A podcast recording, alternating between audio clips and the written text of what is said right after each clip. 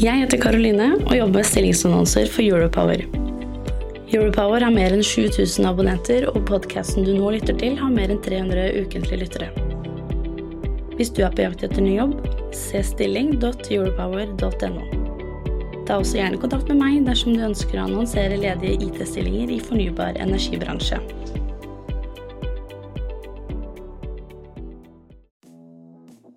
Sendinga er produsert av Europower Partner og er et liveopptak fra Teknologioptimistene, energibransjens IT-konferanse. Sendinga er produsert i samarbeid med konferansens sponsorer. Da kan vi starte med en kort presentasjonsrunde. Eh, det er et krav om å ha noe fornybart i navnet sitt hvis man skal jobbe med fornybart. Så Ivar Slenge Sol. Eh, eh, hvem er du?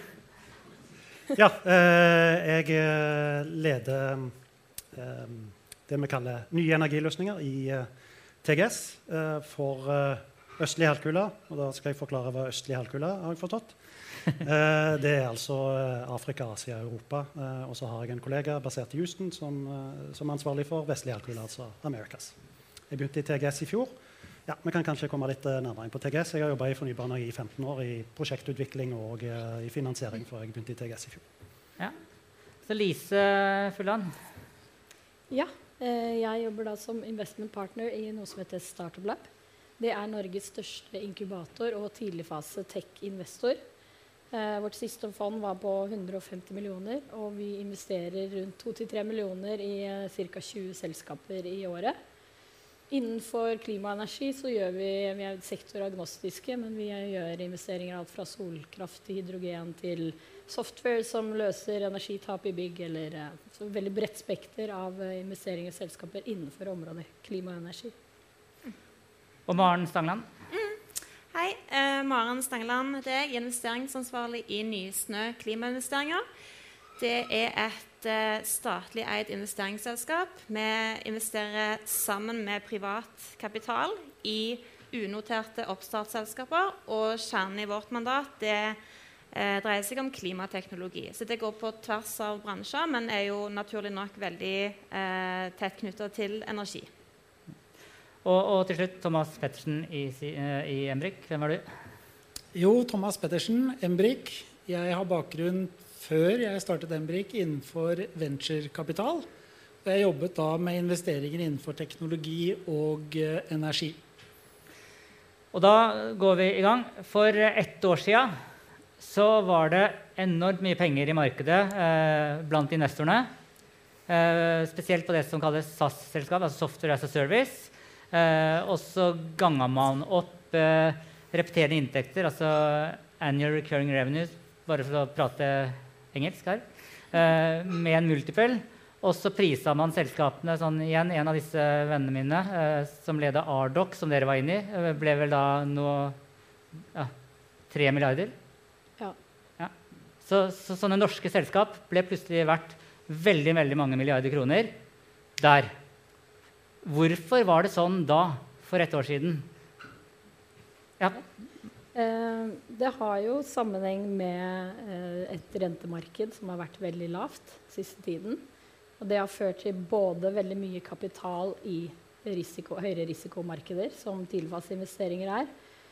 Så fører det også til at man premierer vekst eh, over lønnsomhet. fordi det spiller ingen rolle om du tjener penger om fem eller ti år, eller om det er i dag. Når man diskonterer med veldig lav rente, så spiller det mindre rolle. Så du, du, betalte veldig mye for fremtidig vekst, så ikke bare dagens vekst, men uh, sånn som f.eks. Ardoc, som hadde veldig sterk vekst og gode progresjoner. De ble nok godt priset på, eh, på den fremtidige veksten. Da. Hvor er de pengene blitt av nå? Hvordan, uh, hvordan er det Lise, hvordan er det nå? Prisen, er, det, er det halvert? Er det sånn? Ja, altså, hvis man ser på, hvis tenker på prisingen på Prising av software-selskaper? vil jeg ikke dra det til eh, Ardoc. Ja, ikke Ardox spesielt, men software-selskap eh, eh, hvis man ser på Bessemer Cloud Index for unoterte emerging eh, cloud-selskaper, så har den, den har falt fra toppen på rundt 20 ganger da ARR eh, til nå er de beste selskapene priset på rundt 6. I Norge trolig enda lavere. Du får en discount fordi Norge er et lite marked. Så den har jo falt drastisk i forhold til uh, hva, den, uh, hva, den, var da. Men, men de årene som vi har hatt bak oss, eller de par årene, har jo vært eksepsjonelt høyt priset. Så sånn som vi ser det, så er det mer en korreksjon som ikke nødvendigvis bare er negativ. Maren Stangeland? Ja, en replikk til det. jeg tror at for et par år siden, eller bare for å ta det helt tilbake eh, verdien av et selskap av aksjer. Man kan lære mye om, om hvordan, man, eh, hvordan, man, priser et selskap og, og regne ut det. Men, men, det dreier seg jo egentlig om hva noen er villig til å betale for det. Og for et par år siden så var det et veldig stort eh, gap mellom det som eh, eh, vekstselskaper ble priset på, eh, på, det offentlige markedet, altså gjerne på Euronext Growth, og det som det private markedet priset. Der ser vi at det er et uh, gap som er mye mindre i dag. Uh, det gir jo nye muligheter for, uh, for privatinvestorer. Nå kan du bygge nettverk og dele erfaringer med teknologioptimister gjennom hele året. Teknologioptimistenes nettverk består av både kunder og leverandører innenfor IT fornybar energibransje. Vi møtes seks ganger i året på samlinger der bransjen presenterer konkrete prosjekter og diskuterer problemer og løsninger. Aktører i bransjen kan tegne medlemskap på selskapsnivå. Se teknologioptimistene.no for mer informasjon om nettverket. Åpner dette dramatiske fallet en mulighet for dere som investerer, til å komme inn billig? Ganske konkret for, eh, for uh, Nysnø så Eh, er vårt mandat retta mot unoterte selskaper. Så eh, vi, vi, ville eh, av mange ulike begrensninger ikke tatt et selskap av børs, men, men i tilfeller hvor selskapet blir tatt privat, så, så, kan det være en mulighet å delta sammen med annen privat kapital. Så vi følger jo veldig med på den utviklingen som skjer i, i markedet. Ja, dere er inne i Ottovo, er det ikke det? Ja. det er Hva er målet med Ottovo? Når tar dere en exit her? Mm. Ja, det, er godt, eh, det er et godt spørsmål, og jeg kan ikke stå og svare på det på, på stående fot. Men Otovo var, en, det var vår første investering. Og eh, det er klart at på et eller annet tidspunkt så må man jo ta en, en eh, realisering av den verdien som er oppnådd der. Vi har vært med på en veldig eh, god reise eh, der. Eh, men kan ikke si noe mer enn det. Thomas, du leder jo Embrick, software-selskap. Uh, dere er eid av PE-selskap. Det stemmer. Ja. Hvem er det som eier dere? Magnesium Capital heter de. Og når kom de inn uh, hos dere? Det er to år siden. Så de kom inn når ting var ganske høyt prisa? Ja, det kan man vel si. Hvordan er det å levere oss, til dem nå? Altså, de, verdien deres har jo forsvunnet noe, ikke basert på hva dere har levert, men basert på hva som skjer i verden. Vi er heldigvis ikke et fond, så vi har muligheten til å ha et partnerskap med Magnesium Capital i lang, lang tid. Altså De har ikke noe lukke...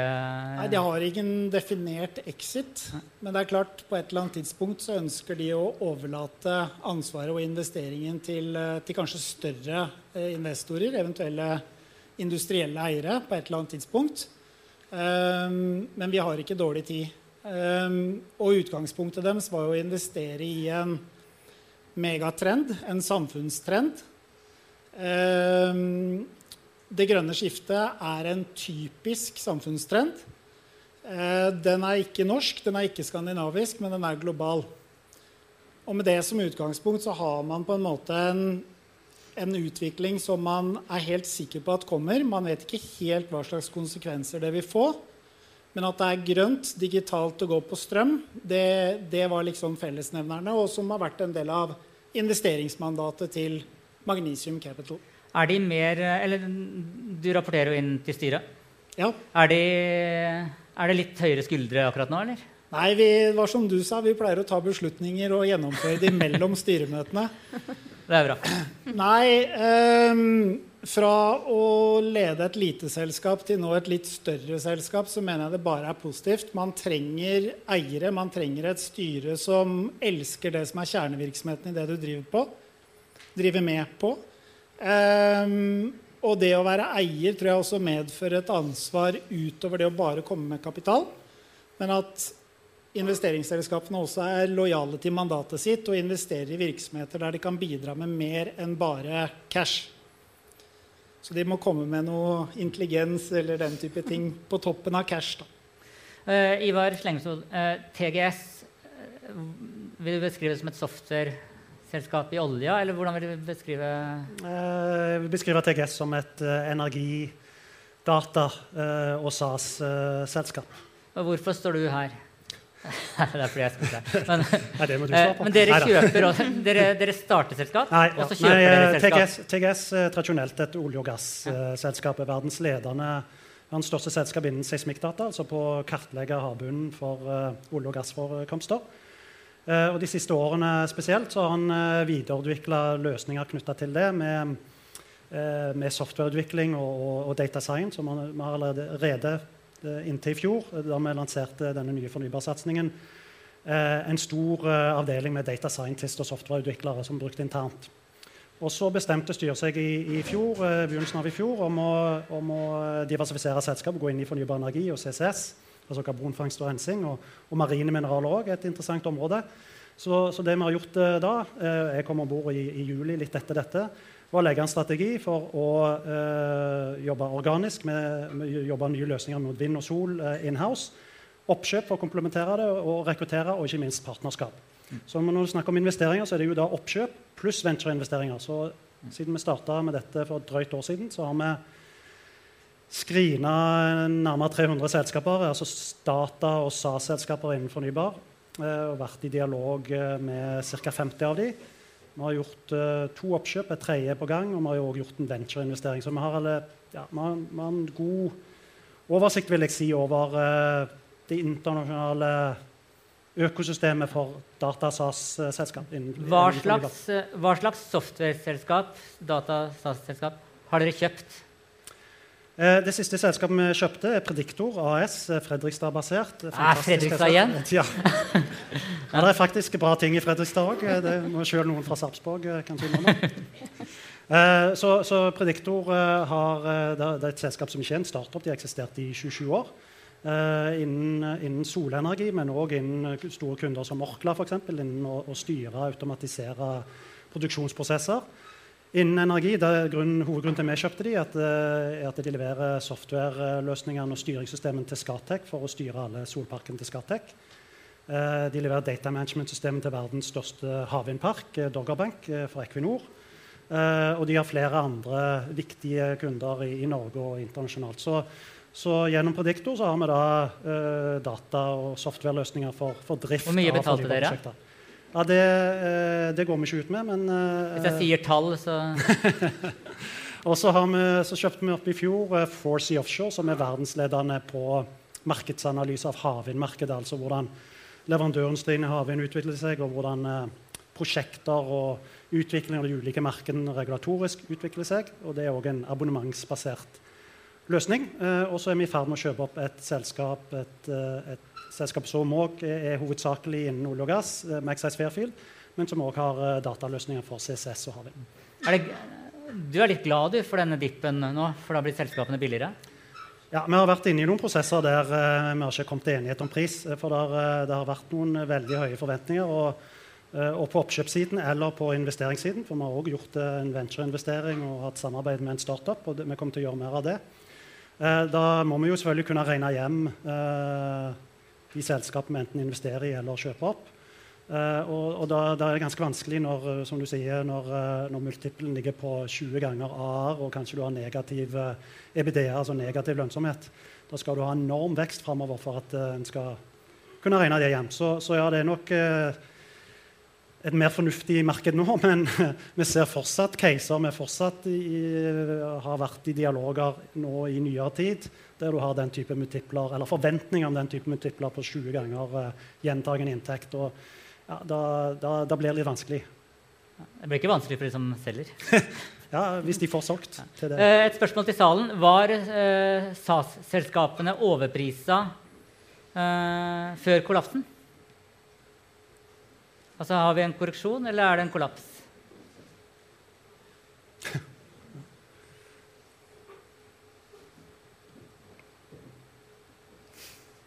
Ja. Så kanskje er vi mer tilbake på fornuftige nivåer nå. Ja. Det er flere og flere som ikke vet. Det er som en uh, På Nettavisen husker jeg det var en gang Snuser du? Ja, nei, vet ikke. Jeg tenker de som svarer vet ikke, de eh, Thomas. Kommer dere til å slå dere sammen med noen selskap? Eller, altså, det finnes jo veldig mange software-selskap i energi. Er målet fusjon? Det er ikke noe mål i seg selv. Eller tror du det kommer? Det kan godt hende. Jeg tror det er det industrielle rasjonale som styrer eh, hvordan Embry kommer til å utvikle seg videre. Det er eh, litt sånn all eyes to Norway, er min oppfatning. Vi er jo til stede andre steder i Norden også, men vi merker jo at Mellom-Europa ser veldig på hva som skjer her i, i Norge. Er det en utfordring da at eh, For dere er jo tungt inne i mange nettselskaper. Ja. Er det en utfordring at de er så geografisk stedbundet? Nei, ikke nødvendigvis. Og jeg tror det at man skal først og fremst være veldig bevisst hva man skal være god på for å lage en, en god bedrift. Men sånn vi ser at bransjen kommer til å utvikle seg, er jo en større grad av en lokal produksjon, og energimiksen endrer seg. Det er jo kompetanse som i større grad er til stede i Mellom-Europa enn i Skandinavia. Med fjernvarme, eh, gass, lokal produksjon, vind, sol osv. Så, videre. så vi får se. Det er kun snakk om et industrielt rasjonale i, for, i forhold til hvordan Emrik kommer til å eventuelt slå seg sammen med andre.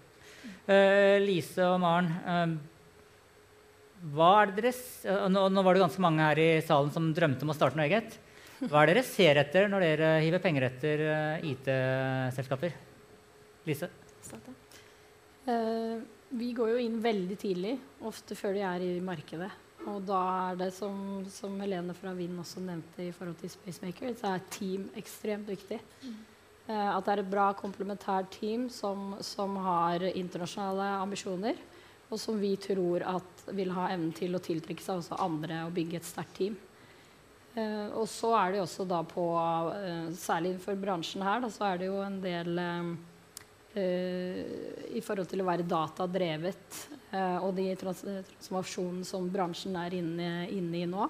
Så de som prøver å løse de store problemene for bransjen. Uh, og i og med at den kanskje fremstår i hvert fall deler av den som litt konservativ, så er det veldig viktig med at man har god dialog med markedet. Gjerne en slags kundevalidering. så mye som mulig. Da. Vi går jo inn ofte før de har inntekt, jo, men, men, man har god mulighet til å ha dialog med kundene underveis og validere at det man bygger, løser de problemene som bransjen har. Og at de er villige til å betale for det på et eller annet tidspunkt. Um, så det er kanskje liksom hoved, hovedgrunnene. Mm.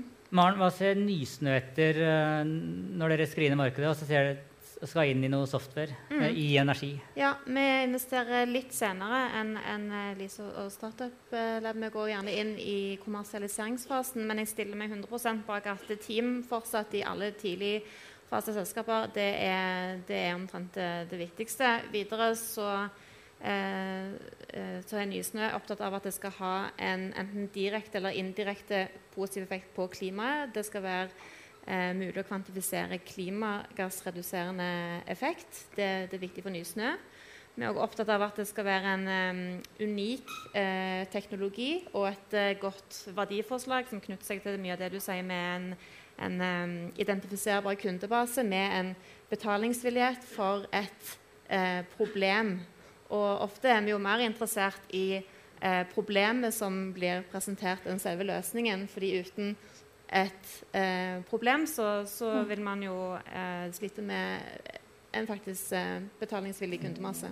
Nå kan du bygge nettverk og dele erfaringer med teknologioptimister gjennom hele året. Teknologioptimistenes nettverk består av både kunder og leverandører innenfor IT og fornybar energibransje. Vi møtes seks ganger i året på samlinger der bransjen presenterer konkrete prosjekter og diskuterer problemer og løsninger. Aktører i bransjen kan tegne medlemskap på selskapsnivå. Se teknologioptimistene.no for mer informasjon om nettverket. Hvor viktig er mangfold i ledergruppa for at dere skal putte penger på dem? Eh, Lise? Nei, vi har det som eh, Altså, vi har det ikke som absolutt krav på tidspunktet vi investerer, fordi de er ofte bare to personer. Så det, det blir sånn vanskelig å tvinge inn mangfold i et topersoner-team. Men at de har en klar formening og strategi for hvordan de skal jobbe med mangfold og inkludering i selskapet. Eh, sånn at de er bevisste på det i sin rekruttering allerede fra start. Og hvordan de skal bygge kultur som, eh, som bygger opp under det. Og Maren? Mm, ja, det er litt det samme. Med, på de tidspunktene vi går inn, så er det ofte eh, fortsatt små team, så det er ingen absolutte krav. Men, men, jeg stiller meg bak det som Lise sier, på en bevissthet rundt det. Og, og ikke bare i management, òg i styresammensetningen eh, som knyttes til selskapet. Så jeg er opptatt av det. Uh, jeg er jo gründer, og når jeg, når jeg, startet, jeg fant ut at jeg skulle starte en avis uh, en, i 2014 i oljebransjen. Og, og, de som husker oljebransjen da, den, den gikk jo rett ned. Så, så da i, i, 36 måneder på rad så betalte jeg 70 000 hver måned av familiens sparepenger for å lønne journalister som kunne skrive om olja, og etter hvert så dro jeg dem over på fornybart. Og I måned 36 så er det jo litt krevende å tenke skal jeg bruke 70 000 til på dette. Altså, når er det man gir opp? Noen som, altså, for det, har dere gitt opp noen gang og tenkt at her, her, her kan man ikke bruke mer penger? ideen var for dårlig, eller han lille asiateren var for ja, Vi har jo av historiske grunner bare investerer Vi investerer bare én gang, så vi har faktisk sluppet den, eh, akkurat den diskusjonen med egne penger. Da. Men eh, vi er jo da desto mer avhengig av eh, nettverket rundt til å investere i selskapene videre. Og det er klart at når du begynner å miste litt troa på selskapet, så er det vanskelig å bruke den sosiale kapitalen og introdusere det videre til investorer. Så ja, for du brenner jo noen bruer da, hvis ja. du lemper et selskap videre, og så, så er det råtten frukt? Men del av vår jobb er jo å snakke med gründerne om alternative veier. Eh, er det, noe, er det et annet sted teknologien eller deler av teknologien eller teamet kan finne en trygg havn? Det eneste alternativet er ikke å hente mer penger og vokse mer. og det, det fins andre muligheter både horisontalt og vertikalt i forhold til at den teknologien og det man har bygd, kan ha et bedre hjem andre steder. Mm. Så før man liksom uh, løper i veggen eller slår av lyset, så kan man vurdere andre alternativer som kan være, kan være bedre. Mm. Thomas, uh, vi har jo prata en del sammen om, om investorer og hvordan markedet ser ut. Uh, så prater vi litt om uh, det, når, når, man skal slutte altså, Med din bakgrunn fra Venstre, når man slutter å hive penger etter dårlige ideer? Jeg er helt enig i det som ble sagt her. Uh, Venturekapitalistverden Det er ingen som kaster gode penger etter dårlige. men spørsmålet er hva var det som var dårlig?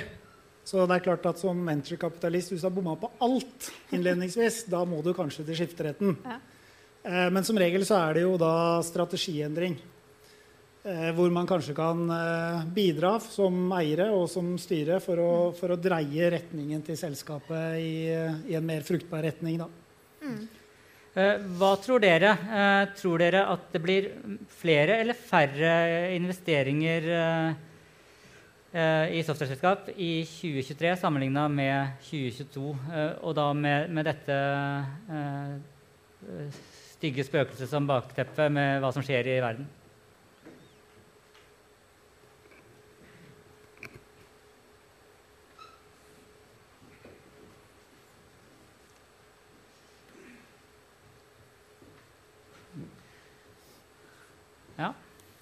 Færre investeringer. Nå, nå ser jeg at spørsmålet uh, burde egentlig vært i kroner da, for en investering. Det kan bli flere små, men færre store. Men ok, det er i hvert fall, uh, Man er ikke sånn kjempeoptimistisk her. Er det et bilde dere, altså Nysnø og, og, og Startup Lab ser? Eller kjenner dere det?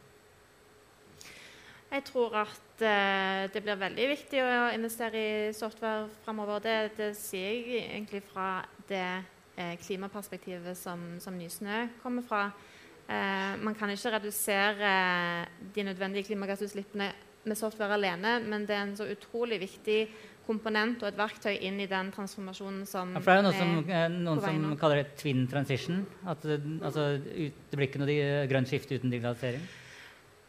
Ja, nei, det, det, er helt, det, er helt, nødvendig. Man må sikre spaden i jorden og man må gjøre store industrielle investeringer. Men, men, det, men det, vil òg kreve gode eh, IT-verktøy, spesielt inn mot beslutning. Du nevnte Otovo eh, innledningsvis. Det er jo et, et uh, IT-selskap som har gjort beslutningsveien for forbrukeren mye enklere i det å ta et, um, et bærekraftig valg i form av solenergi på, på, på, egne tak. Og jeg tror at det lignende verktøy som kan forenkle beslutningsprosesser for industrien, er, er, utrolig viktig. Det er en enorm avkarbonisering som skal skje i i Europa. Og, og, bak det så vil det være utrolig mange beslutninger og bak der igjen mange beslutningstakere som trenger gode verktøy som kan måle økonomiske aspekter opp mot de bærekraftige. Og, og det klarer man ikke uten uh, god, effektiv uh, softwareløsning.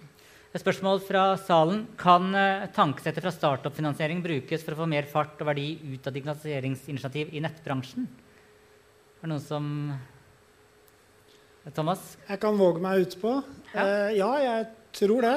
Eh, det som virkelig skaper innovasjon og utvikling, det er jo de rette rammebetingelsene. Fordi sånn som de fleste investorene tenker, er jo at man starter i det små. Altså man, man tenker veldig stort, og så starter man i det små. Eh, så det å skape store nok, gode nok rammebetingelser på at man tar en liten idé, en, en, en liten destruktiv forandring, Um, og evner å ta den til det virkelig kan bli noe stort. Da tror jeg man kan bruke mange av de samme prinsippene. Ja, Så vil jeg jo slå et slag for uh, å legge bort Not Invented Here Syndrome og faktisk jobbe sammen med de selskapene som allerede er agile og raske, og som klarer å snu seg rundt og bygge verdi og på de data dere har uh, uten den samme tekniske gjelden, sånn at man faktisk kan få veldig mye ut av samarbeid, tørre å være første kunde og, og åpne opp de dørene uh, litt, litt, raskere. da.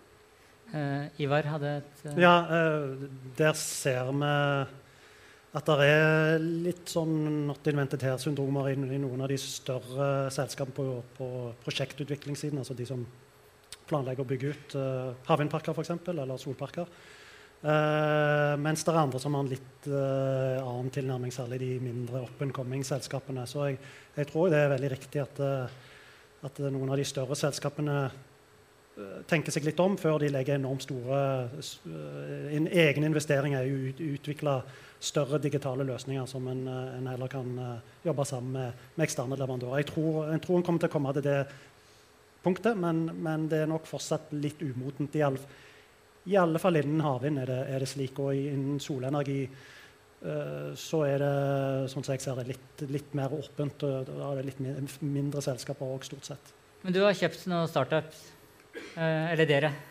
Hva sa du? Dere har investert, ja. ja. Uh, Vind AI, Helene som var her, er det noen som du kunne gitt litt lenger du kan, hvis du sier ja nå Ja, ja, ja nei, absolutt. Vi, vi, snakker med Helene og, og, og, og Vind. Og det gjør vi med flere av de andre eh, lignende eh, selskapene, unge SAS- og dataselskapene i, i, i Norge òg, innenfor vårt domene.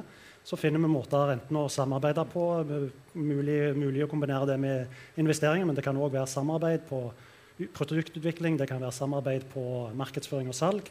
Altså, vårt mål er å og bidra til å skape et, et økosystem for uh, data- og SAS-løsninger uh, ut fra Norge. Uh, det selskapet vi har investert i, det er et tysk selskap. en tysk startup uh, stifta nå i vår. der vi gjennom ja, nettverket vårt kom i kontakt med, med team i Siemens Gamesa, en av verdens ledende turbinprodusenter. Chief Digital Officer der og hans team som ville slutte i Siemens Gamesa og utvikle ny, nye SAS-løsninger for eh, enkelt sagt å kunne designe, bygge og, og, og drifte eh, landbaserte vindprosjekter. Eh, ikke når en produserer mest eh, strøm, når det blåser mest, men når eh, prisene per time på strøm er høyest. Eh, altså litt sånn counterintuitivt. Du, du, produserer når det er minst vind, men du, du, henter inn den største verdien hvis du får det til. Så det synes vi var en veldig eh, interessant og destruktiv eh, idé, som har tatt en risiko og, og, og kommet med seed-penger til det selskapet. Så har vi òg eh, samtidig et samarbeid på produktutvikling eh, der de hjelper oss med vår softwareutvikling og vice versa. Og, og den type modell vil komme til å kopiere andre plasser òg, inkludert i Norge. Og da, da, skaper vi et slags økosystem da, i, gjennom våre relasjoner både i de oppkjøpte selskapene og de selskapene vi investerte i, ikke bare i, i Norge, men vi vil gjerne ha en eh, kraftig base her, eh, her i Norge, men òg internasjonalt. eh, Jobbe med de beste selskapene, beste folka. Og så Thomas, eh, Rekker jeg en ja. liten kommentar på Ja. Fordi eh, vind er jo det perfekte eksempel på den fasen som Norge som økosystem på startup-siden er i nå. Vi har bygd opp eh, flere store selskaper som Spacemaker, Remarkable. Du får eksempler på at det går an å bygge store selskaper fra Norge. Så får du de som jobber i de selskapene, som bryter ut og har lyst til å bygge noe på egen hånd, noe nytt og noe bedre, som selvforsterkende effekt av økosystemet. Og i tillegg så kommer helt sikkert de som jobber i Spacemaker på 300 mil til å investere i de fordi de kjenner dem. Så du får også kapitalen fra seriegründere inn og, og forsterker økosystemet. Så definitivt hadde vi trolig investert i et selskap som min. Hva slags selskap er det du har kjøpt opp i det siste, Thomas? Vi eh, kjøper komplementære selskaper i forhold til Embrik-strategi. Eh, så akkurat nå så er det jo mer sånn eh, Bolton-investeringer vi driver med, og ikke såkorninvesteringer. Så dette er et litt annet ballgame enn det, enn det vi Men du har kjøpt først i Norge nå, eller har du kjøpt i utlandet? Eh, De to siste investeringene har vært norske investeringer. Eh, miljøer som eh, passer kulturelt inn i Embrik sånn som det er i dag, og har komplementerende produkter og tjenester. For det er også en ting vi ikke har rukket å snakke så mye om, men at det også kan komme mye disruptive nye tjenester da, rundt energimarkedet framover. Yes, tusen takk.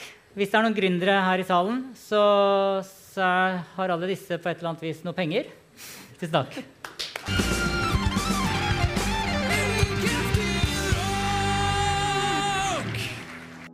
Nå kan du bygge nettverk og dele erfaringer med teknologioptimister gjennom hele året.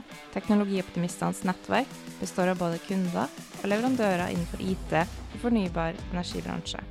Vi møtes seks ganger i året på samlinger der bransjen presenterer konkrete prosjekter og diskuterer problemer og løsninger. Aktører i bransjen kan tegne medlemskap på selskapsnivå. Se teknologioptimistene.no for mer informasjon om nettverket. Jeg heter Karoline og jobber med stillingsannonser for Europower. Europower har mer enn 7000 abonnenter, og podkasten du nå lytter til, har mer enn 300 ukentlige lyttere. Hvis du er på jakt etter ny jobb, se stilling.europower.no. Ta også gjerne kontakt med meg dersom du ønsker å annonsere ledige IT-stillinger i fornybar energibransje.